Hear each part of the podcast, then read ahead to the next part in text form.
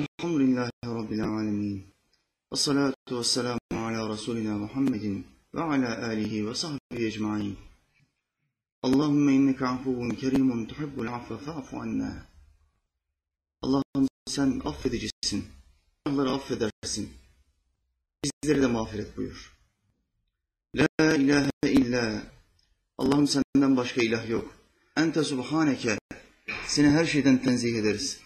İnni küntü mine zalimin. Muhakkak ki ben nefsime zulmettim. Rabbena amennâ. Allah'ım biz iman ettik. Bima enzelte. İndirdiğin kitaba iman ettik. Vettebe'na Resul. Senin Resulüne de tabi olduk. Fektümna ma'aşşahidin. Allah'ım bizi şahitlerden yaz. Rabbena atina. Allah'ım bize ver. Dünya haseneten. Dünyada iyilikler ver. Ve fil ahireti haseneten. Ahirette de iyilikler, iyilikler ver. Ve qina azaben nar. Bizi ateşin azabından koru.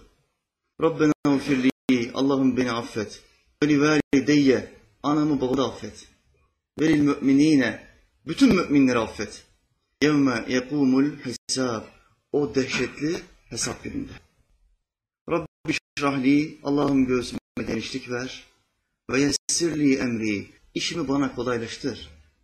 Vahlul ugdeten min lisani. Dilimdeki düğümü çöz Allah'ım. Yefkahu kavli. Ki insanlar sözlerimi kolayca anlayabilsin. Amin. Amin. Velhamdülillahi Rabbil alemin. Alemlerin yaratıcısına, yerleri ve gökleri aletsiz yaratan Allah'ımıza, yarattıklarının nefesleri adedince senalar olsun. O Allah ki, Adem'in Allah'ı, Nuh'un Allah'ı, Hud'un ve Salih'in Allah'ı, İbrahim'in, Lot'un, İsmail'in Allah'ı, İshak'ın, Yakub'un ve Yusuf'un Allah'ı, Eyyub'un Allah'ı, Ayyub'un ve Musa'nın Allah'ı, Davud'un, Süleyman'ın, İlyas'ın ve Elisa'nın Allah'ı, Yunus'un, Zekeriya'nın, Yahya'nın ve İsa'nın Allah'ı ve adı dört kitapta ölmüş olan Efendimiz Ahmet'in Allah'ı sallallahu aleyhi ve sellem. Allah'ın peygamberlerine selam olsun. O Allah, o yaratıcı, kelamı kadiminde, Kur'an'ında bir ayette bize şöyle buyuruyor.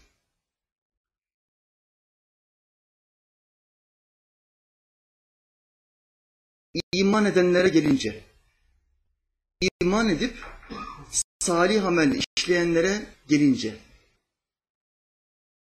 onlar için Allah kalplerde bir sevgi yaratacaktır. Muhakkak Allah doğru söyledi. Allah Teala Kur'an'da yan yana kullandığı, çok defa yan yana kullandığı bir kelimeyi yine bu ayet-i kerimede yan yana kullanıyor. Nedir o? İnnellezîne âmenû ve amilus salihati. O iman edip iyi amel işleyenler var ya, Kur'an'ı okuyanlar bu iki kelimeyi yan yana çok görürler.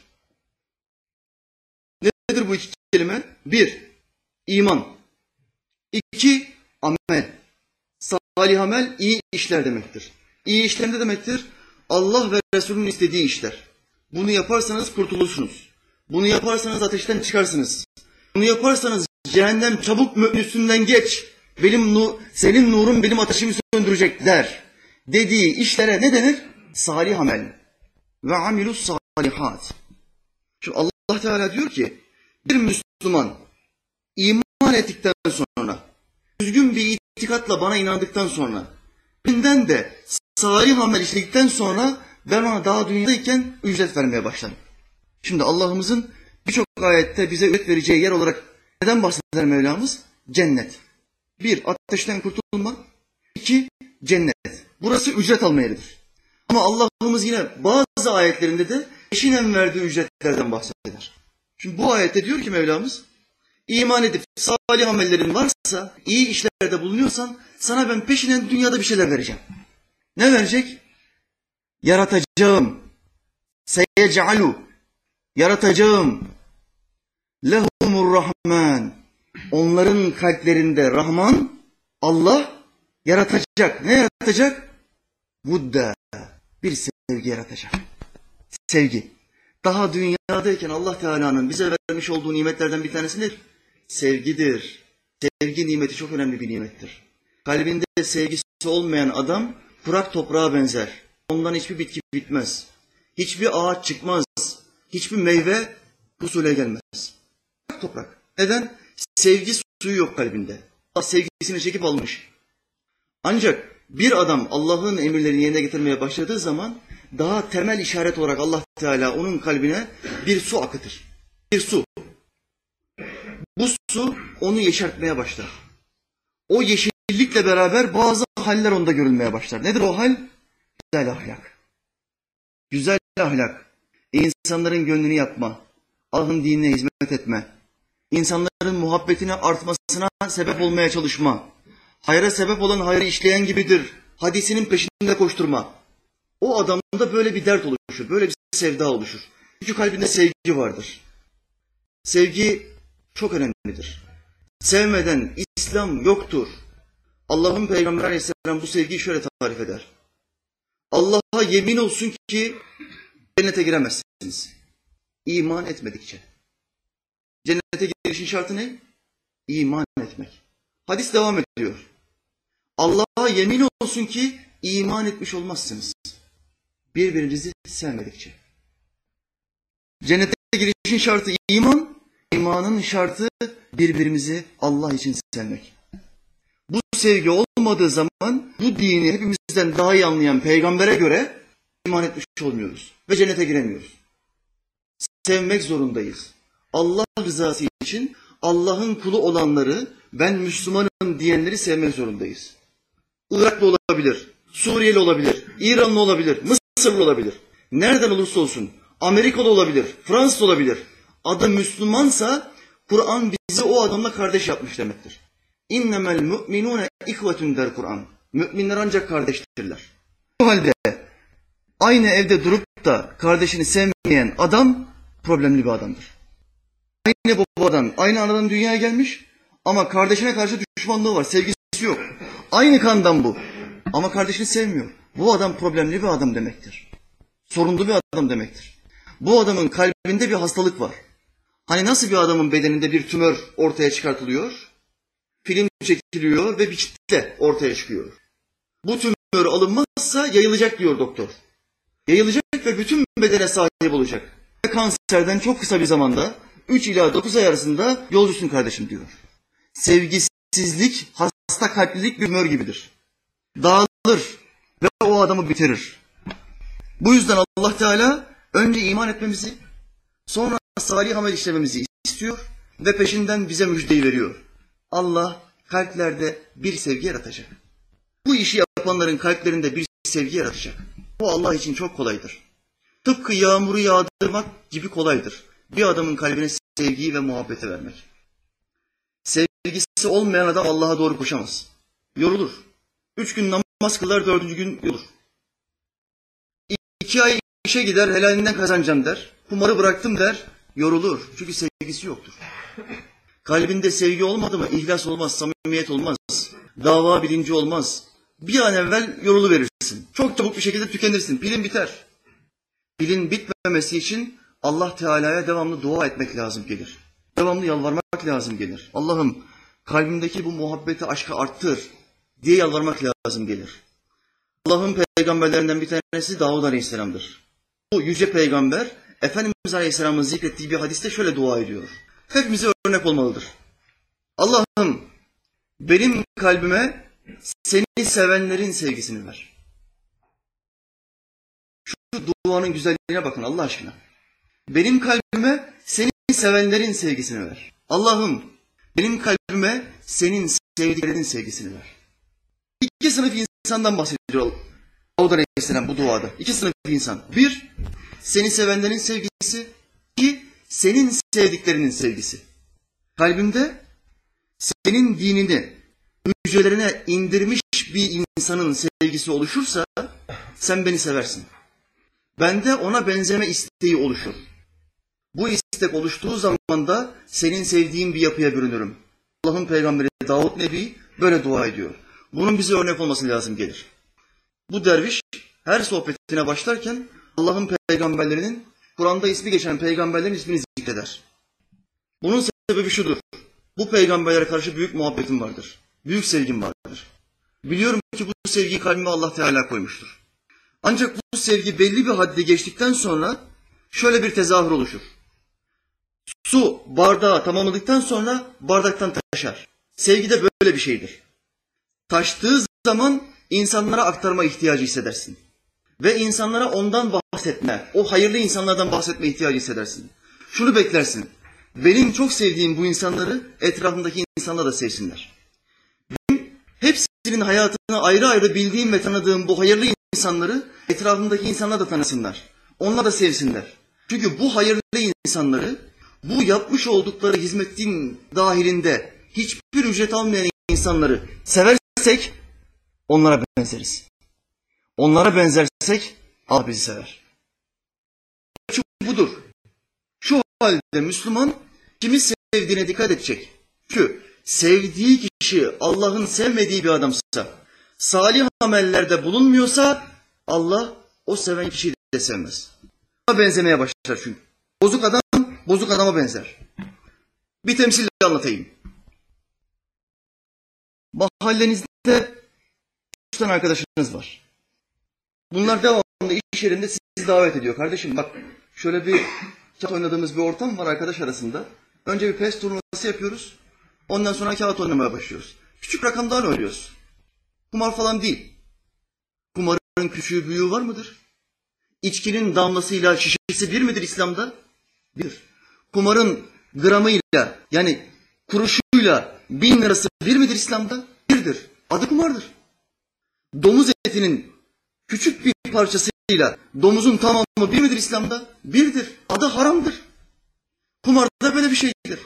Bu üç tane arkadaş süslü kelimelerle, şeytandan aldıkları fetvayla sizi o pes ortamına kumar oynamaya davet etti.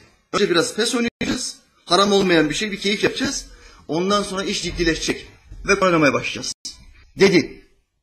Siz de üç kırdınız, beş kırdınız, altıncıda dediniz ki yok. Tamam peki, geleceğim. Çok fazla karşı geldim sana. Geleceğim, gönlünüzü yapayım. Dediniz ve onları izlemeye başladınız.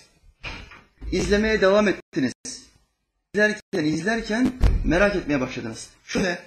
Bu kağıt ne anlama geliyor? Bu ne yaptı şimdi? Ne yaptı bu? Bu niye bu kağıdı attı buraya? Dene başladınız. Allah'ın peygamberi bunu şöyle açıklar. Merak ilmin kapısıdır. Merak ettiniz. Merak ettiğiniz şey Allah Allah'ın sevmediği, razı olmadığı bir şeyse onu öğrenmeye başlarsınız. Merak ettiğiniz şey Allah'ın sevdiği bir şeyse yine sorarsınız, yine onu öğrenmeye başlarsınız. Şu halde bu adamlar kumar oynuyor. Bu olay Allah'ın yasak ettiği bir şey. Ben bunu merak etmemeliyim. Bu bozuk bir iş. Hemen ve o işten kaçman lazım. Bu arkadaş ilmi yeterliliği olmadığı için kaçmıyor. Üç seyrediyor, beş seyrediyor ve aynı kumar masasına oturuyor. O arkadaşlarıyla beraber kumar oynuyor. Kumar oynuyor. Kumar oynayanları size bir temsille anlatayım. Daha iyi anlayacaksınız inşallah. Kumar ne demektir? Dört tane arkadaş pikniğe gidiyorlar. Çadırlarını almışlar bizim Şükrü abiden. Ocaklarını almışlar. Işıltıyı almışlar. Pikniğe gidiyorlar. Gece sahilin yanında kalacaklar, piknik yapacaklar. Çadırın içine giriyorlar. Üç arkadaş uyuyunca arkadaşlardan bir tanesi gece vakti kalkıyor. Bu üç tane arkadaşın pantolonlarının cebine elini atıyor. Onların paralarını alıyor, cebine koyuyor. Sabahleyin bir kalkıyorlar, bu arkadaş hiçbir şey olmamış gibi. Nasıl İsmail? İyiyim Mehmet, sen ne yapıyorsun? Gece çok iyi uyudum ya, diyor. Halbuki gece uyumadı. Arkadaşlarının cebindeki parayı çaldı. Şimdi bu dördüncü arkadaş, yani uyuyan arkadaşlarının cebinden para çalan adam aşağılık bir adam mıdır değil midir? Hırsızlık yüz kızartıcı bir suçtur. Aşağılık bir adamın işidir. Bu adam aşağılık bir adamdır. Arkadaşım dediği adamın cebine el uzatmıştır. Şimdi dört tane adam kumar masasına kağıt oynamaya gidiyor. Dört can ciğer arkadaş. Bunların üçü kaybediyor, biri kazanıyor. Kazanan göz göre göre, göstere göstere bu üç tane yüzüne gülen arkadaşın ceplerini eline atıyor ve paralarını alıp cebine koyuyor. İşte kumar bu demektir. Çadırda gece vakti arkadaşları uyurken adamın cebinden para çalmak ne kadar rezil bir fiilse dört tane arkadaşın aynı masada oturup kumar oynaması ve birbirlerinin cebindeki paraya göz dikmesi bu kadar rezil bir fiildir. Bu kumardır. İçki de aynen bunun gibidir. Kimi seviyorsun? Kalbinde kimin sevgisi var? Çok dikkat etmek zorundasın. Sevdiğin adam içkiye müptela bir adam. Ve seni masaya davet ediyor. İçmezsin bir şey olmaz diyor. Ama üç oturursun, beş oturursun ve merak uyanır. Dersin ki bir tadına bakayım. Şeytan bir lezzetli gösterir. Bir ağzına balçalar ve bakarsın ki alışmışsın. Sonra dersin ya biz bu pisliği niye içtik ya? Sabah bir kalkıp başımız ağrıyor. Biz bu pisliği niye içtik? Bu içki içenlerin durumunu da bir hikayeyle anlatayım. Bir köyde bir aga var, bir de kahya var. Aga çok zengin, dönüm dönüm arazisi var. Bir gün at arabasına diyor ki kahyaya at arabasını hazırla şehre gidelim malzemeleri alalım mekana dönelim. Elhamdülillah. Kahya diyor ki tamam agam. Arabayı hazırlıyor, aga arka tarafa biniyor, kuruluyor koltuğa. Kahya diyor sür. Şehre doğru yol alırken diyor ki dur. Çek kenarıya. Kahya at arabasını kenara çekiyor. Aga diyor ki Kahya şu yolun ortasında bir tane büyük manda pisliği var görüyor musun? Görüyorum agam diyor. Seninle bir anlaşma yapalım ister misin diyor. Bir teklif sunayım sana. Kahya diyor ki buyurun. Bu pisliği yersen bütün servetimi sana vereceğim. Sadece bu pisliği yersen. Ve bununla kalmayacağım. Ben ağan ol, kahyan olacağım, sen benim ağam olacaksın. Arabaya sen oturacaksın. Diyor. Kahya diyor ki tamam be. Hayatım memnun olmakla geçti. Bir pislik yerim ağa olurum diyor. Gidiyor, kocaman manda pisliğini yiyor. İğrene iğrene olsa, tiksine tiksine de olsa manda pisliğini yiyor. Sonra geliyor, aga geç bakalım ön tarafa diyor. Aga garibim iddiayı kaybetmiş ön tarafa geçiyor, arabayı sürmeye başlıyor. Kahya bu sefer arka tarafta kuruluyor. Şu dünyanın haline. Şehre gidiyorlar, malzemeleri topluyorlar. Kahya arkada, ağa önde. Dönüş yoluna giriyorlar. Kahya rahat değil. Aga oldu ya, rahat değil. Bir pislik yedirdi ona, eski agası. Bir fırsat kolluyor. Bir bakıyor, yolda yine bir manda pisliği. Kahya diyor, şimdi öbürsü Kahya oldu ya. Kahya, evet diyor, bir teklif sunayım mı sana, ister misin? Kahya diyor ki tamam, agam diyor sun. Şu ortada bir manda pisliği var diyor. Yersen bütün servetini tekrar sana iade ederim. Ağalığı da iade ederim. Yine ben kahya olurum diyor. Ağa diyor ki tamam be. Tamam ben bu işi sevmedim zaten diyor. Tekrar emir veren olacağım. Gidiyor. Hayvan pisliğini yiyor. Bu sefer geliyor. Arkadaki patron koltuğuna ağa kuruluyor. Kahya tekrar ön tarafa geçiyor. Bir süre daha gidiyorlar. Ağa şöyle diyor. Ya Kahya buyur ağa. Sorması ayıp da biz bu pisliği niye yedik? Bu pisliği niye yedik? Sen yine kahya, ben yine ağa. Biz bu pisliği niye yedik? İki arkadaş içki içmeye gidiyor. içiyorlar, içiyorlar, içiyorlar. Eve dönüyorlar.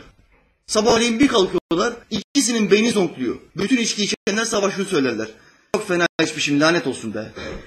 Hepsi aynı şeyi söyler. Kelime değişmez.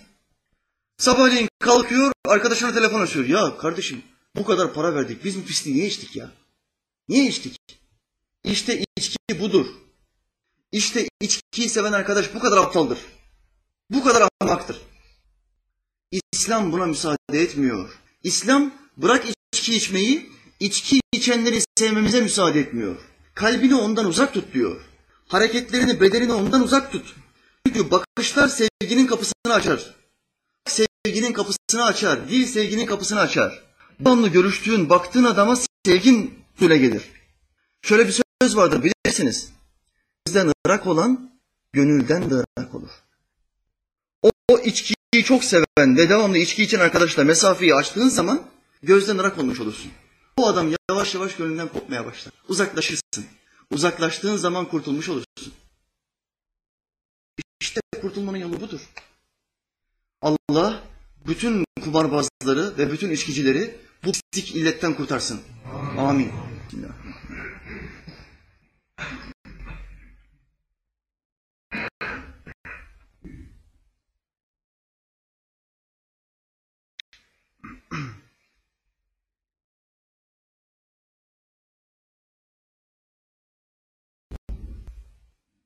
Efendiler, tasavvuf yolunun temeli de sevgiye dayanır. Sevgi olmayan bir tasavvuf yolu olmaz. Kişi tasavvuf yoluna girdiği zaman birisine benzemek ister. Kendisinden daha iyi İslam'ı yaşadığını düşündüğü, hüsnü zannettiği kişiye, mürşidine benzemek ister. Hüsnü zanneder. Bu adam benden daha takvalı. Bu adam benden daha çok haramlardan korkuyor. Bu adamın İslami ilmi benden daha fazla. Şu halde eğer ben bu adamı biraz seversem, kalbimde bu kişiye karşı biraz sevgi usulü gelirse, yarın öbür Efendimiz Aleyhisselam'a karşı sevgi usulü gelecektir. Efendimiz Aleyhisselam'a karşı kalbimde bir sevgi usulü gelirse, yarın öbür gün Allah bana kapıları açar, Rabbime karşı sevgi usulü gelir. Tasavvufta sevginin basamakları vardır. Sevginin ilki fena fil ihvandır. Kişinin derviş kardeşini, Müslüman kardeşini sevmesi demektir. Bu tasavvuf meclislerinde beraber gelip gittiği, yol aldığı insanı sevmeye başlar. Onunla olur. Onunla beraber yer içer, sohbet dinler, ilim öğrenir. Onunla çalışır, onunla gezer. Devamlı görüştüğü için, devamlı aynı derdi paylaştığı için kalpte göre göre sevgi usulü gelir. Sevmeye başlar. Sevdikten sonra şunu der. Bu adam şu, şu, şu noktalarda benden daha iyi. Ahlaklarda bu adama benzemem lazım. Ve bu adamı geçmem lazım. O ilk basamağı tamamlamış demektir. Sonraki basamak nedir? Mürşittir. Mürşide, yani onun hüsnü zannettiği, bu dini benden daha iyi yaşıyor dediği adama benzeme. Onun sevgisinin kalbe akması, onu rabıta etme, ona benzemeye çalışma. Ona benzemeye çalıştığı zaman ondaki ahlakların yavaş yavaş üstüne gelmeye başladığını görür. Aynen onun gibi öfkelendiğim zaman kendimi tutabiliyorum. Aynen onun gibi insanlara İslam'ı anlatma derdi yavaş yavaş şimdi usule gelmeye başlıyor. Aynen onun gibi dünyanın yaşanılacak olan tek yer olmadığını düşünebiliyorum. Aynen onun gibi sonsuz yaşamın ahiret olduğunu anlayabiliyorum demeye başlar. Buna fena şeyh denir tasavvufta. Sonra orada kalmaz. Her kim ki mürşide erişmektir benim derdim bu tasavvuf yolunda derse o adam yolda kalmış demektir. Çünkü mürşitler sadece bir aracıdır. Ne için? Resulullah'a ulaştırmak için. Allah'a ulaştırmak için bir aracıdır. Amaç değildir. Kim ki mürşidini amaç edindi o yolda kaldı. O yanıldı. Mürşide ne olarak bakacağız? Dünyanın uydusu ay diye bakacağız. Bir yansıtıcı, bir aracı. Ayda yaşanmaz, dünyada yaşanır. Dünyada yaşanır. Mars'ta yaşanmaz, cennette yaşanır. Cennete gitmemiz için bu dünyada yaşamamız gerekiyor. Bu dünyada Allah'ın bize vermiş olduğu sınavları yerine getirmemiz gerekiyor. Bunu getirirken de Allah'ın sevdiği kullara benzememiz gerekiyor. Bu benzemeyi yerine getirdiğimiz zaman fena fir Resul'e geliriz. Allah bize nasip etsin. Kolay kalmaz. Resulullah da bir aracıdır sallallahu aleyhi ve sellem. Niçin gelmiştir o? Bu dini, Allah'ın hükümlerini bize tanıtmak, bizi kendine benzetmek, uygulamada yapmamız gereken bütün amelleri göstermek ve bizi Allah'a yakınlaştırmak. Resulullah da bir aracıdır. Amaç değildir. Amaç olduğu zaman iş değişiyor. Şirket, şirket dönüyor iş. Tapılacak olan ikinci bir varlık oluyor. Tapılacak olan tek varlık Allah Teala'dır. Onun yanına hiç kimse konulamaz. Her şey ve herkes onun aşağısında olmak zorundadır. İşte tasavvuf yoluna girmiş olan insanlar bu sevginin kalbine cem edilmesini ister. Efendimiz Aleyhisselam bunu şöyle anlatır. İmanın temeli Allah'ın dostlarını sevmek, Allah'ın düşmanlarına buğz etmektir. Neymiş imanın temeli? Çimento, harç, tuğla. Bunlardan bahsetmiyor Peygamberimiz. Allah'ın dostlarını sevmektir. Ayetlerde evliya tabiri geçer. Evliya ne demek? Veliler, dostlar. Ela inne evliya Allah la havfun aleyhim lahum yahzenun. Onlar Allah'ın veli kullarıdır. Onlar o gün hüzünlenmeyecektir. Üzülmeyecekler bile. Allah'ımız o velilerden Kur'an'da bahsederken hüzünlenmeyecekler diyor. Hüzünlenmeyecek. Neden? Çünkü yakınlığa erişmişler. Kurbiyete erişmişler. Kul kurbiyete eriştirdiği zaman Allah Teala gönüllerde bir sevgi peyda eder. Sevgi. Bu sevginin alametleri vardır. Alameti Allah'ın istediği gibi yaşamaktır. Allah'ın emirlerinin o kulun nezdinde, hayatında kolaylaşması. Kolay, kolay, kolaylaşması için sevginin kalpte artması gerekir. Muhabbetin kalpte artması gerekir. Allah'ımızın bir ismi de Vedud'dur. El-Vedud. Ne demek Vedud? Sevmeyi ve sevgiyi yaratan demektir. Hanımıyla iyi geçinmeyenlere, iyi geçinemeyenlere, hanımı çok huysuz olanlara biz neyi tavsiye ediyoruz? Ya Vedud ismi şerifini yüz defa çek. Hanımının elini tut, yüzüne üfle. Allah ikinizin arasında sevgiyi peydah eder. Hanımına da aynı zikri ver. Ya Vedud, Ya Vedud. Ey sevgiyi yaratan, kocama karşı sevgi ver kalbime. Aramızı bozmak istiyorlar. Bize büyü yapmak istiyorlar. Bu ailenin yıkılmasını istiyorlar. Eşime karşı kalbime sevgi ver diye Allah'ı zikredin. Büyücüye, cinciye, üfürükçüye gitmeyin. Düğümlere üfleyenlere Kur'an'ın deyimiyle gitmeyin. Allah'a gidin. Onun ismini zikredin ki Allah kalbinizdeki sevgiyi artırsın. Gözünüz hanımınızdan başkasına bakmasın. Ve o aile sonsuza kadar beraber olsun. Ne demek sonsuz? Öldükten sonra da şayet erkek önce ölürse, hanım erkekten sonra vefat eden kocasından sonra evlenmezse ne olur? Cennette de beraber olurlar. İkisi de cennete giderse. Ne oluyor bu aile? Sonsuza kadar beraber yaşıyor. Sonsuza kadar hanımınla beraber olmak istiyorsan dünya boşanmaman gerekiyor, ayrılmaman gerekiyor. Ayrılmamak için elinden gelen her şeyi yapman gerekiyor. Neden? Çünkü dünya kadınları ahiret kadınlarına yani hurilere göre güzelliği çok daha üstün olacaktır. Efendimiz Aleyhisselam bunu bir temsille anlatır. Dünya kadınlarının ahiret kadınlarına üstünlüğü elbisenin yüzünün astarına olan üstünlüğü gibidir. Şimdi biz bir ceket aldığımız zaman astarı için mi alırız yoksa yüzü için mi alırız? Yani dış görünümü için mi alırız? Yüzdür para eden astar değil. Ahiretteki kadın yani dünyadaki eşimiz ahirette elbisenin dış yüzü gibidir. Yani en güzel olandır. Huriler ise onun yanında iç astarı gibidir. Neden böyle hocam? Çünkü Allah o kadına dünyada nefis verdi. O kadın Allah'ın haram ettiği işleri yapmadı. Kocasına itaatkar oldu. Allah'ın peygamberine itaatkar oldu. Asi olmadı. Gözleri kaymadı. Gözü dışarıya bakmadı. Ve gül gibi geçirip gittiler. Arasını, kocasıyla arasını bozmak isteyenlere fırsat vermedi. Evimden defolun dedi. Bu ailenin yıkılmaması için herkese, herkese ve her şeyi karşıma alırım dedi. İşte bu Ya Vedud ismi şerifi hürmetine kurtulmuş olan bir aile olur. Bu sebeple o sevgiyi yaratana bol dua edeceğiz ki ailemiz bozulmasın. Bol dua edeceğiz ki kalbimize evlenmeye niyetlendiğimiz kişinin kötü olmasına binaen kötü bir insanın sevgisini kalbimize vermesin. Mesela kişi anasına babasına diyor ki bana bir hanım adayı bulun.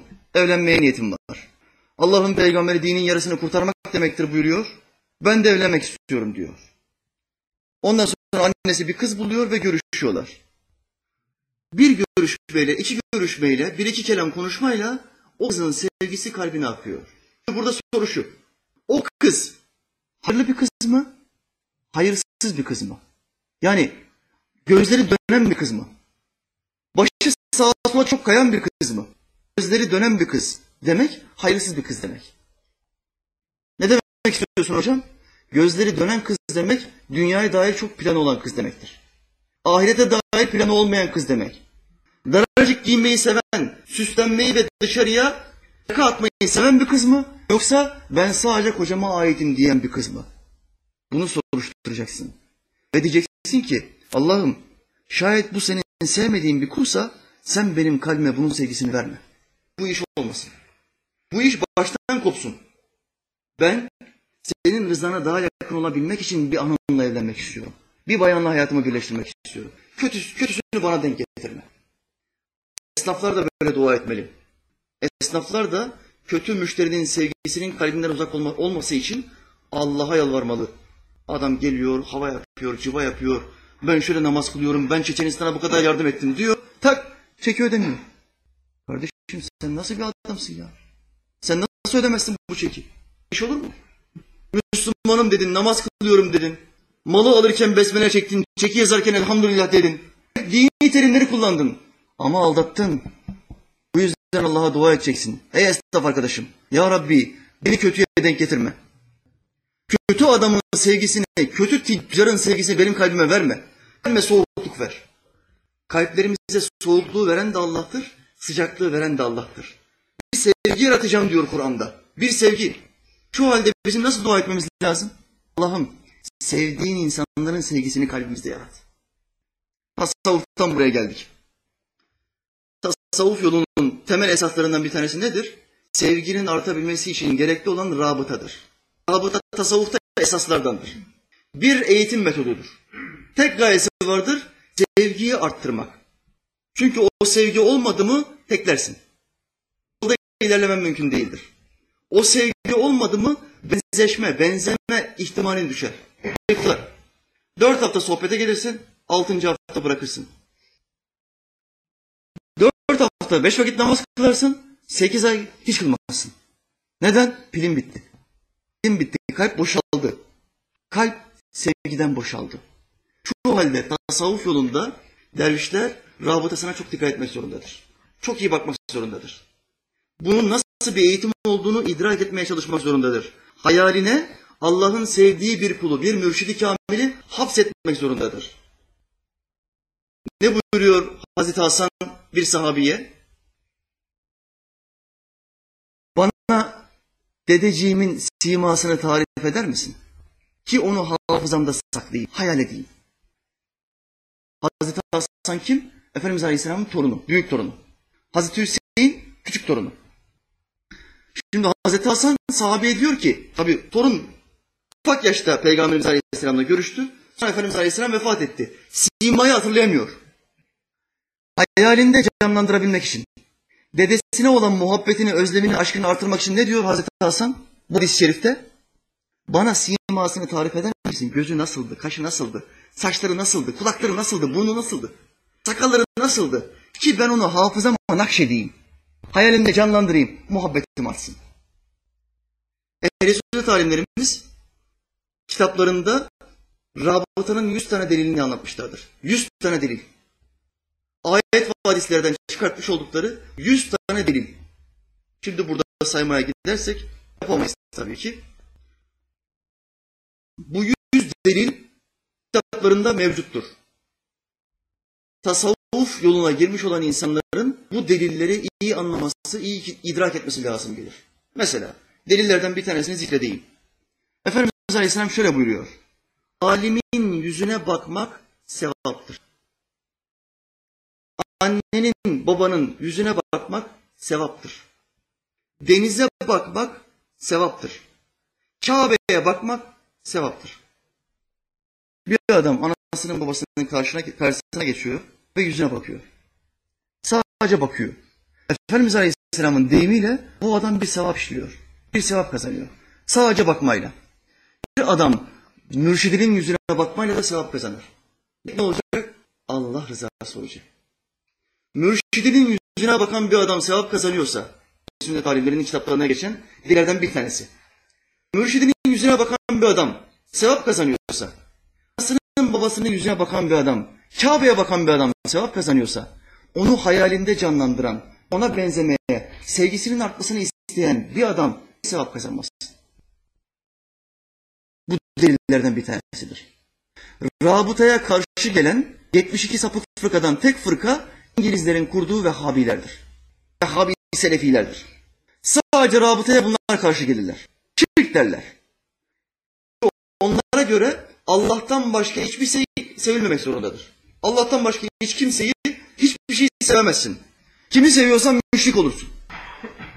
Neden böyle olmuştur? Allah kalplerindeki sevgiyi almıştır. Bir kimse, bir Müslüman önüne gelene kafir derse yani ile itham ederse Allah onun kalbindeki muhabbeti, aşkı, sevgiyi alır, söker alır, kalbini boşaltır. Yüzündeki nuru gider. Halkın deyimiyle söyleyeyim. Rabbi esir bitmiş. Mesela halkımız bazı insanı görür. Der ki ya kara suratlı bir adam Rabbi esiri gitmiş ya. Halkın deyimidir bu. Doğruluk payı vardır. Bazı insanlar vardır yüzünde nur gitmiştir. Halbuki sakal buraya kadar. Halbuki senin gibi namaz kılıyor, hacca geliyor. Neden bu adamın nuru gitti? Çünkü insanlara müşrik diye itham etti. İnsanlara kafir diye hitap etti. Halbuki Efendimiz Aleyhisselam kafir diyenin kafir olacağını buyurdu. Sahih hadislerde. Kim Müslüman kardeşine kafir derse kendi kafir olur. Sen neye dayanarak Müslümana kafir diyorsun? Nasıl bunu bu kadar kolay bir şekilde söyleyebiliyorsun? Esnaf telefon açıyor hanımına. Alo, bir tanem nasılsın akşam ne lazım diyor. Bir tanem diyor hanımına. Bu Vahabi de şöyle diyor. Allah'tan başka bir tane yoktur. Sen müşrik oldun. Bu ne sapıklık, bu ne cahillik ya. Böyle iş olur mu ya? Hanımını sevemez mi bir adam? Adam peygamberini sevemez, sevemez mi? Oğlunu sevemez mi bir adam? Hanımına sevgisi yoksa kör bir adam demektir. Oğluna sevgisi yoksa kör bir adam demektir. Sevgisiz adam kurak toprak gibidir. Müzik olmaz ondan. Ama bu Vahabilerin kalbi boşaltıldığı için Allah Teala tarafından herkese ve her şeye karşı sevgisizdirler, sevimsizdirler. Sevimsizdirler. Kafalarına göre hükümler verirler. Kopukturlar. Ehli sünnet alimlerine tabi olmadıkları için kafalarına göre hükümler verirler. Hiçbir kitapta olmayan şeyi bizim görüşümüz budur derler. Bana göre böyle derler. Halbuki İslam'da bana göre de bir şey yoktur. Böyle bir şey olur mu? Allah Teala bu insanlara hidayet nasip etsin. Bir an evvel girdikleri kestirme, sözüm ona, kestirme, sapa yollardan, çıkmaz sokaklardan, haramilerin gezdiği, kol gezdiği çıkmaz sokaklardan Mevlam kurtarsın, Muhammed Aleyhisselam'ın ehli sünnet caddesine ulaştırsın. Amin ya muin.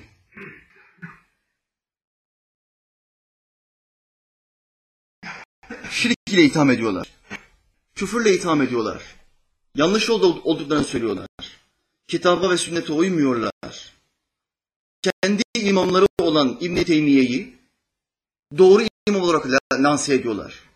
Halbuki mezhep dört tanedir. Beşinci mezhep yoktur. Bu adam nereden çıktı?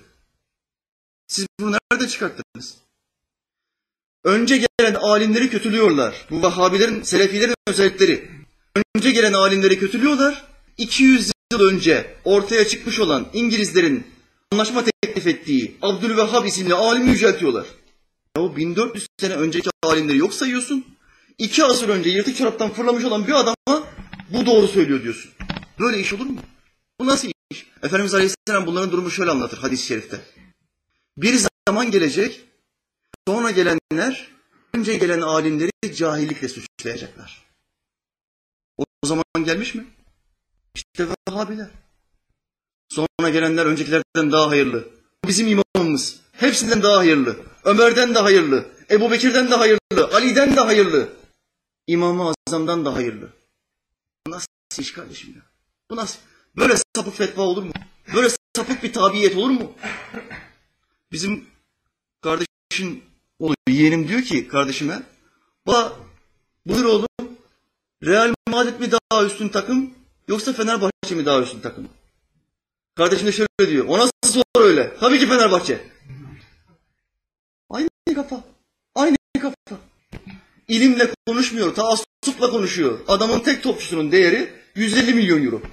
Senin takımının değeri 150 milyon euro. Sen bununla baş edebilir misin? İşte bu Vahabi. Sonra gelen iki asır önce yeni çıkartmış oldukları bir alternatif din, Vehhabilik dini. Diyor ki öncekilerin tamamı boştur. Biz onlardan daha üstünüz. Biz onlardan daha hayırlıyız. Kalplerinde sevgi alınmış, kalpleri boşaltılmış. Allah'ım sen bu cahil kullarının kalbine Muhammed Aleyhisselam'ın sevgisini doldur. Amin ya amin. Sevgi olmayacak diyor. Allah'tan başkasını sevmeyeceksin diyor. Efendimiz Aleyhisselam öyle söylemiyor. Bir gün Hazreti Ömer'e geldi. Aleyhisselatü Vesselam. Dedi ki ya Ömer beni seviyor musun? Hazreti Ömer şöyle buyurdu. Ey Allah'ın Resulü seni malımdan, anamdan, babamdan ve sahip olduğum her şeyden daha çok seviyorum. Ya Ömer tam olmadı. Beni canından çok sevmedikçe kamil mümin olamazsın. Allah'ın Resulü'nü sevmek mecburi miymiş? Mecburi. Bunlar ne diyor? Sevmeyeceksin. Sadece Allah'ı seveceksin. İşte Vehhabilik budur. Bir delil daha getireyim. Sahabenin bir tanesi geldi ey Allah'ın Resulü. Seni çok seviyorum. Seni çok seviyorum ey Allah'ın Resulü. Efendimiz Aleyhisselam ne buyurdu? Eğer Peygamberimizi sevmek yanlış bir şey olsa Efendimiz Aleyhisselam burada ne yapardı? Bu yanlış bir şey. Bunu bir daha yapma. Başka bir hadisten bu hadise delil getireyim. Bir düğün esnasında cariyeler def çalıp şarkı söylüyorlardı. Efendimiz Aleyhisselam da oradaydı. Cariyelerden bir tanesi şarkı söylerken şöyle dedi. Bir kelime geçti ağzından. Aramızda yarını bilen bir peygamber var. Bu kelime İslam'a uymayan bir kelimedir. Efendimiz Aleyhisselam ne yaptı? Yanlış bir şey oldu mu peygamberimizin yanında adetidir. Hemen durdurur, susturur ve doğrusunu yapar. Düzeltir. Ey kadın dedi dur. Herkes sustu. Efendimiz Aleyhisselam şöyle buyurdu. Yarını ancak Allah bilir. Yalnız bana bildirirse bilebilirim. Halde kim derse ki İsmail yarını biliyor, kafir olur. Çünkü gaybı bilmek Allah'a bastustur. Allah peygamberine bildirmiştir. Ayette ne buyuruyor Mevlamız? Gaybın anahtarı Allah'ın indindedir. Gaybı ancak Allah bilir. Ancak dilediği rasullere de bildirir. Yani dilediği birileri olabiliyor muymuş? Rasuller olabiliyor muymuş? Olabiliyormuş. Efendimiz Aleyhisselam'ın kıyamete dair, ahirete dair verdiği binlerce haber var. Kim bildirdi ona? Allah Teala bildirdi. İşte o sahabi geliyor Efendimiz Aleyhisselam'a diyor ki ya Allah'ın Resulü seni çok seviyorum. Peygamberimizin cevabı şu. Öyleyse yağmur gibi belalara hazırlan. Çünkü belanın en şiddetlisi önce peygamberlere, sonra onların etrafındaki dostlara, sonra da onları sevenlere gelir. Belanın en şiddetlisi, en şiddetlisi bunlara gelir. Yağmur gibi bela. Sevgi olmak zorunda. Peygamberi sevmeden olmaz. Anneni sevmeden bir din olmaz. Ananı babanı sevmediğin bir din İslam olamaz. Dil getiriyorum. Sahabenin bir tanesi geldi Efendimiz Aleyhisselam'a. Ey Allah Resulü, Allah'tan ve senden sonra en çok sevmem gereken kişi bu dünyada kimdir? Sultanım ne buyurdu? Aleyhisselatü vesselam. Annendir. Ey Allah Resulü, sonra kimi sevmeliyim? Annendir. Sonra kimi sevmeliyim? Annendir. Peki sonra babandır. Anayı babayı sevmek mecburi miymiş İslam'da? Mecbur sevmek zorundasın. Üç defa anne diyor, bir defa baba diyor. İşte ey Müslümanlar, ananızın hakkını, annenizin üzerinizdeki hakkını bu hadis-i şeriften anlamış olun. Hocam baba o kadar çalıştı, yoruldu, etti. Ben de babayım ama kusura bakmayın, burada nelerin hakkını vermek zorundayım. Bizden üç adım öndeler. Çünkü bizden daha çok çile çekmişlerdir. Çocuklara bakma konusunda bizden daha çok sıkıntı çektikleri için biz erkeklerden üç adım daha çok sevilmek zorundadırlar. Hiç çekinmiyoruz, hiç gocunmuyoruz. Allah sevgilerini artırsın. Amin. Amin.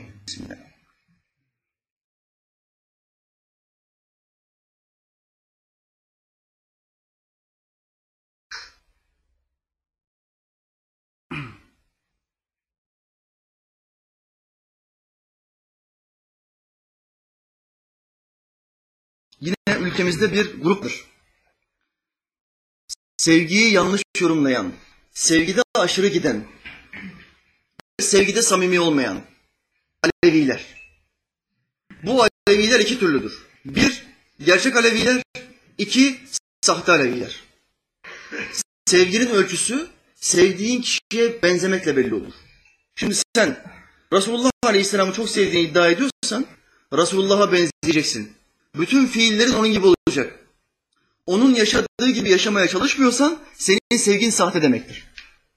Sen Ebu Bekir Sıddık'ı çok sevdiğini iddia ediyorsun. Ey Sünni kardeşim. Ama Ebu Bekir Sıddık gibi namaz kılmıyorsan, onun gibi oruç tutmuyorsan senin sevgin sahtedir. Sen takiyi yapıyorsun. İşte günümüzdeki Alevilerin bir kısmı da Ali radıyallahu anh'ı çok sevdiğini söylerler. Ama gelin görün ki yaşamlarına baktığınız zaman Hazreti Ali ile hiçbir paralellik yoktur. Radıyallahu anh. Sevginin ölçüsü Ali'ye benzemektir. Sen eğer Hazreti Ali'yi çok sevdiğini iddia ediyorsan Hazreti Ali'nin hayatında bir vakit namazı kazaya kalmamıştır. Ama sen hiç namaz kılmıyorsun. Hazreti Ali radıyallahu anh'ın bir günlük Ramazan orucu keyfi olarak kazaya kalmamıştır. Sen oruç tutmuyorsun. Bu nasıl bir sevgi? Yoksa şunu mu diyorsun? Biz Kur'an'ı bugüne göre yorumluyoruz. Şimdi ben size bir soru sorsam. Bu İslam'ı, bu dini, bu Kur'an'ı Efendimiz Aleyhisselam'dan sonra en iyi bilen, en iyi anlayan, İslam ilimlerinde en zirve olan şahsiyet kimdir? Hazreti Ali'dir. Dikkat buyurun. Hazreti Ali'den önce üç tane daha hayırlı insan vardır. Ebu Bekir, Ömer ve Osman. Ama Hazreti Ali'nin ilmi bu üçünden de üstündür. İlim konusunda Peygamberimiz Aleyhisselam'dan sonra zirve Hazreti Ali'dir. Kimse önüne geçemez. Allah'ın peygamberi bunu şöyle anlatır. Ben ilmin şehriyim. Ali benim kapımdır. Ondan daha ilimli kimse gelmemiştir ve gelmeyecektir. Bir delil daha getireyim İslam tarihinden. Bir mecliste Hazreti Ömer'e bir hüküm sorulur. Ama aynı mecliste Hazreti Ali de vardır. Hazreti Ömer şöyle der. Ali'nin bulunduğu bir ortamda hüküm vermekten hayal ederim. Dikkat buyurun. Ömer radıyallahu anh İslam'ın ikinci halifesidir. Ali'den daha hayırlıdır. Ancak Ali'nin ilmine herkes saygı duymak zorundadır. Allah onlardan razı olsun. Şimdi sözünde samimi olmayan Alevi kardeşlerim şöyle diyor. Bizim kadar Hazreti Ali'yi kimse sevmez. Fakat bu dini onlardan da, benden de ve izledikleri bütün hocalardan da daha iyi bilen Hazreti Ali gibi yaşamıyorlar. Hem Hazreti Ali'yi sevdiğini söyleyip hem namaz kılmamak bu dini, bu İslam'ı ondan daha iyi bildiğini iddia etmek. Kur'an'da namaz kılın diyor. Sen diyorsun ki bize göre namaz Allah'ı düşünmek. E Hazreti Ali ne yapmış? Uygulamaya bakalım. Bir işin hakikatini öğrenebilmek için uygulamaya, uygulamaya bakacağız. Uygulamada Efendimiz ne yaptı? Hazreti Ali ne yaptı? Ebu Bekir ne yaptı? Ömer ne yaptı? Radıyallahu anhum. Namaz kıldılar. Rükû yaptılar, secde yaptılar. Çünkü onlar Allah'ın şu ayetini biliyordu. Rükû edenlerle beraber rükû edin. Secde edenlerle beraber secde edin. Uygulamada bu yapıldıysa sen de bunu yapacaksın. Bu nasıl bir sevgi? Sevdiğini iddia ediyorsan benzemek zorundasın. Şayet benzemiyorsan takiye yapıyorsun. Hazreti Ali'nin adını kullanıyorsun, onu kendine bir perde ediyorsun ve istediğin naneyi yiyorsun. İçki içiyorsun, zina ediyorsun, kumar oynuyorsun. Ama adın Alevi. Bu olmaz. Bu olmaz. Bu aldatmak demektir. Üstadım İhramizade İsmail Hakkı Efendi'ye bir kardeşi getirdiler. Dediler ki efendim bu kardeşimiz bir Alevidir. Sohbetlerinize geliyor. Üç beş haftadır. Sizinle tanışmak istedi. Efendi Hazretleri şöyle diyor. Kardeşim Alevi olabiliyor musun? O kardeş de şöyle diyor. Efendim ben zaten Aleviyim. Hayır evladım ben onu demiyorum diyor. Ali gibi olabiliyor musun? Ali gibi yaşayabiliyor musun? Ali gibi secde edebiliyor musun? Ali gibi Allah'ı tesbih edebiliyor musun? Bütün vücudun titriyor mu? Ben bunu diyorum diyor. İşte bu kardeşlerimizin de Ali gibi olması gerekiyor. Ebu Bekir gibi olması gerekiyor. Hüseyin gibi olması gerekiyor. Hazreti Hüseyin'in siyer kitaplarına bakın. Tek namazı kazaya kalmış mı? Bir tek namazı. Binlerce kişilik Yezid'in, o zalim Yezid'in ordusu çevreledi. Hüseyin ve etrafındaki 70 akrabasını. Az sonra öldürecekler biliyor. Ama yine namazını bırakmadı. Şunun hesabını yapmıyor. Ya ben şimdi secdeye gidersem bunlar sırtımdan vurur falan. Bunların hesabını yapmıyor. Namaz vakti geldi. Müezzin kardeşim ezan oku. Secdeye gidiyor, namaz kılıyor. Hazreti Hüseyin'i sevdiğini söylüyorsun. Allah aşkına kimi kandırıyorsun? Kendini mi kandırıyorsun? Allah Teala bu kardeşlerimize ilim nasip etsin. Hidayet nasip etsin. İslam'ı anlamayı, özümsemeyi nasip etsin. Ve en önemlisi Hazreti Ali'ye benzemeyi nasip etsin. Amin. Hocam Vehhabilere giydirdin. Alevilere giydirdin. Sıra bakmayın sıra Arnavutlarda. Sıra Arnavut. Hocam bu akşam çok salladım. Bizi aradan çek. Bizi haftaya aktar. Kusura bakmayın kardeşim. Kendi kavmime iki tane söylerim. Yabancılara birer tane söylerim. Kendi kavmime iki tane söylerim. Yine bir esnaf arkadaşımı ziyarete gittim. Arkadaşım bana şöyle dedi. Sevgiden girdik bak nerelere geldik. Hocam biz muhacirler dindar insanlarız. Yugoslavya'da komünizmden kaçtık biz. Neden? Kur'an okumamızı yasakladılar. Orada bizim namaz kılmamızı yasakladılar. Dinimizi yaşayamadığımız için komünizmden kaçtık ve özgür bir ülkeye geldik. Dinimiz için hicret ettik hocam. Peygamberin sahabesi ne kadar mübarekse biz de o kadar mübarekiz. Verdiği fetvaya bak.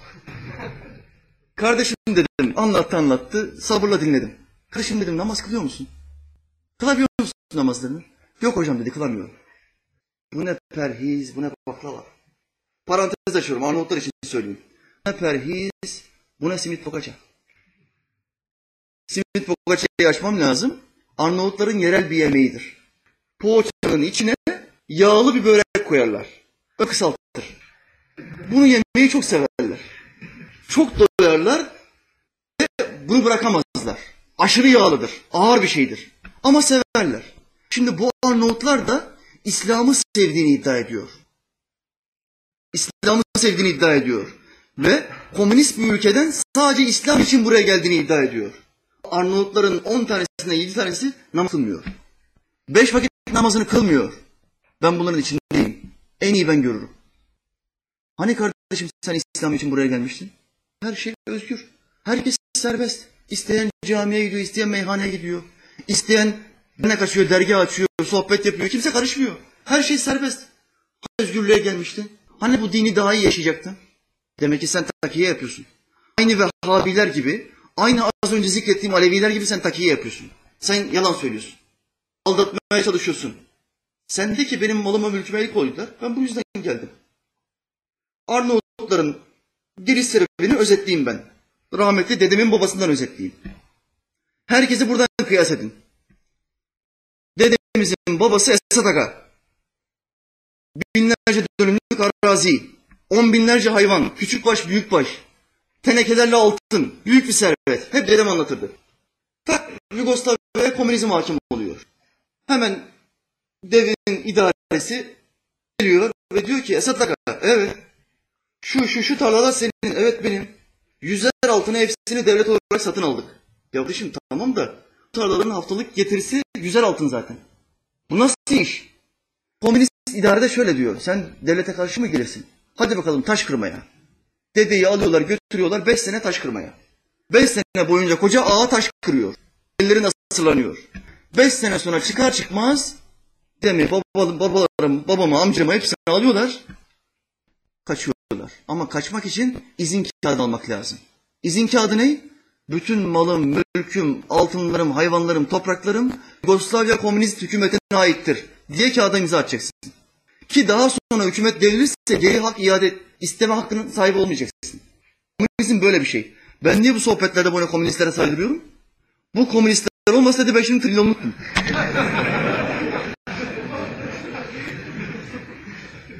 Büyük bir servetle oradan buraya gelmiştim. Bu komünistler yüzünden sıfır geldik buraya. Hala çalışıyoruz, hala uğraşıyoruz. O para bende olsaydı şimdi ne yapardım? 5000 kişilik bir dergah yapardım. Her tarafa reklam tabelaları asardım. Arnavut Hoca burada, Arnavut Hoca burada. Bir ay içinde, iki ay içinde o 5000 kişi doldururdum Allah'ın izniyle. Ama para yok. Allah nasip etsin inşallah.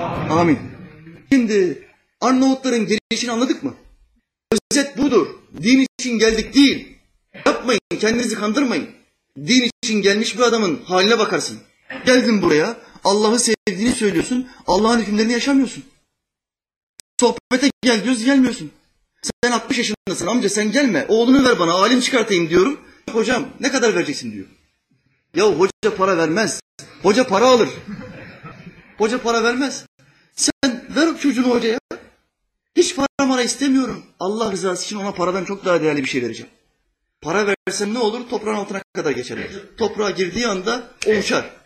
Ben ona öyle bir para vereceğim ki, öyle bir para kazanma yolunu öğreteceğim ki, o para kıyamete kadar ve sonsuzluğa kadar ona faydalı olacak. Bu para sevap kazanma ilmidir. İslam'a hizmet etme ilmidir. İnsanları hayra ve güzelliğe, sabra teşvik etme ilmidir. Ben o çocuğa bunu öğreteceğim. Ver çocuğunu diyorum. Yok diyor. Yok. Beni alırsan veririm diyor. Amcacığım sen 60 yaşındasın. Senin için bitmiş. Sen başka cemaatlere git. Mekanları çok geniş olan cemaatlere git. Orası tam sana göre. Oturursun, dizini dayarsın duvara. Kafayı da koyarsın şöyle. Hoca orada anlatır. Bizde yok böyle bir şey. Bizim işimiz gençlerle. Adam yetiştirmem lazım. Her tarafta sapık hocalar kaynıyor. Bu adamları yetiştireceğiz. Mahalle mahalle etrafındaki insanlara anlatacak. Çalışıyorken anlatacak. Tramvayda gidiyorken anlatacak. Maç izliyorken anlatacak. Kahve içiyorken anlatacak. Öğrenecek ve anlatacak. 60 yaşından sonra ne anlatacaksın sen? Yapamazsın. Sen yapamıyorsun diye yapabilecek olan adamı engelleme. Çocuğunu bize yolla. Ne kömür taşıtırım, ne iş yaptırırım. İlim öğretirim. Hem hayır işlemiş olurum. Ben öldükten sonra da o çocuk yapacağı amellerle amel defterime yazmaya başlar. Hem de kesilmez.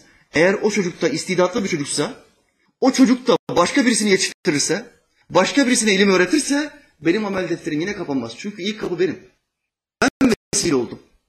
Böyle bir hayır dalgası içindeyiz. Hacı amca, Arnavut amcama yok diyor. Akşam kapatma yapacak diyor. Akşam kapatma yapacak diyor. Küçük düşünüyor, küçük bakıyor. Olmaz kardeşim. Allah rızası için kalbimizdeki sevgilere dikkat edin. Neyi seviyorum? Benim bu dünyadaki önceliğim nedir ya? Neyi seviyorum? Kabre girdiğim anda bitecek şeyleri mi seviyorum? Yoksa sonsuz olan şeyleri mi seviyorum? Sonsuzluğu sevmemiz gerekiyor. Bizi sonsuzluğa götürecek olan ilimleri sevmemiz gerekiyor. Allah dostlarını sevmemiz gerekiyor. Hayatını Allah'ın dinine adamış olan alimleri sevmemiz gerekiyor. O alimlerden bir tanesinin sözünü zikredeyim. Hasan-ı Basri Hazretleri tasavvuf yolunun büyüklerindendir. Bak mübarek ne diyor? Allah'ım amellerimle cehennemi hak ettiğimi biliyorum. Ama sen beni affet. Mahşer günü şeytanı bana güldürme. Şeytanı sevindirme. Sözün güzelliğine bak Allah aşkına. Şimdi bu bir velidir. Aynı zamanda da bir alimdir. İki kanadı var. Bu kişi diyor ki amellerim o kadar bozuk ki nefsini kınıyor. Kendini aşağılıyor. Amellerim o kadar bozuk ki bu amellerimin neticesinde cehenneme gideceğimi biliyorum. Yani tartıda günahlarını daha çok görüyor. Tıpkı Yunus Emre gibi. Nice yüz bin günah ettim her biri bir dağa benzer diyor Yunus. Mübarek de aynı. Tartıda günahlarımın daha çok geleceğini biliyorum ama Allah'ım sen beni affet. Mahşere gittiğimizde bu şeytanı sevindirme. Şeytan ne kadar çok taraftar kazanırsa o kadar çok sevinir. Allah rızası için kalbinize dikkat edin ve bu şerefsiz adi şeytanı sevindirmeyin. Siz Allah'ın peygamberini sevindirin. Bak Sultan Aleyhisselam ne buyuruyor? Ümmetimin amelleri sabah ve akşam bana arz edilir. Sabah işe gittin, akşam eve geldin. Bu durum esnasında sabah ve akşamki fiillerin tamamı kime arz edildi? Allah Resulü Aleyhisselam arz edildi. Şimdi bu fiillerin içinde sevmediği işler olduğu zaman, edepsizce işler olduğu zaman Efendimiz Aleyhisselam üzülür. Tıpkı o hadis-i şerifte Hazreti Adem'in solundaki siyah ruhlara baktığı zaman ağlaması ve üzülmesi gibi. Ümmetinin haline, edepsizliklerine üzülür. Niye üzelim peygamberimizi? Sevindirmek, mutlu etmek varken. Onun istediği gibi yaşamak, davranmak varken niye üzelim? Müslüman hayırla yaşar, hayra vesile olmaya çalışır, insanları iyiliğe ve güzelliğe teşvik etmeye çalışır. Ve hayır dua almaya çalışır. Bu hayır duaların neticesinde Allah Teala kalbindeki sevgiyi, muhabbeti arttırır. Sonra iş ona kolay gelir. Yunus'la bitireyim. Gelin tanış olalım. İşi kolay kılalım. Sevelim, sevilelim. Dünya kimseye kalmaz. Velhamdülillahi Rabbil Alemin. El Fatiha.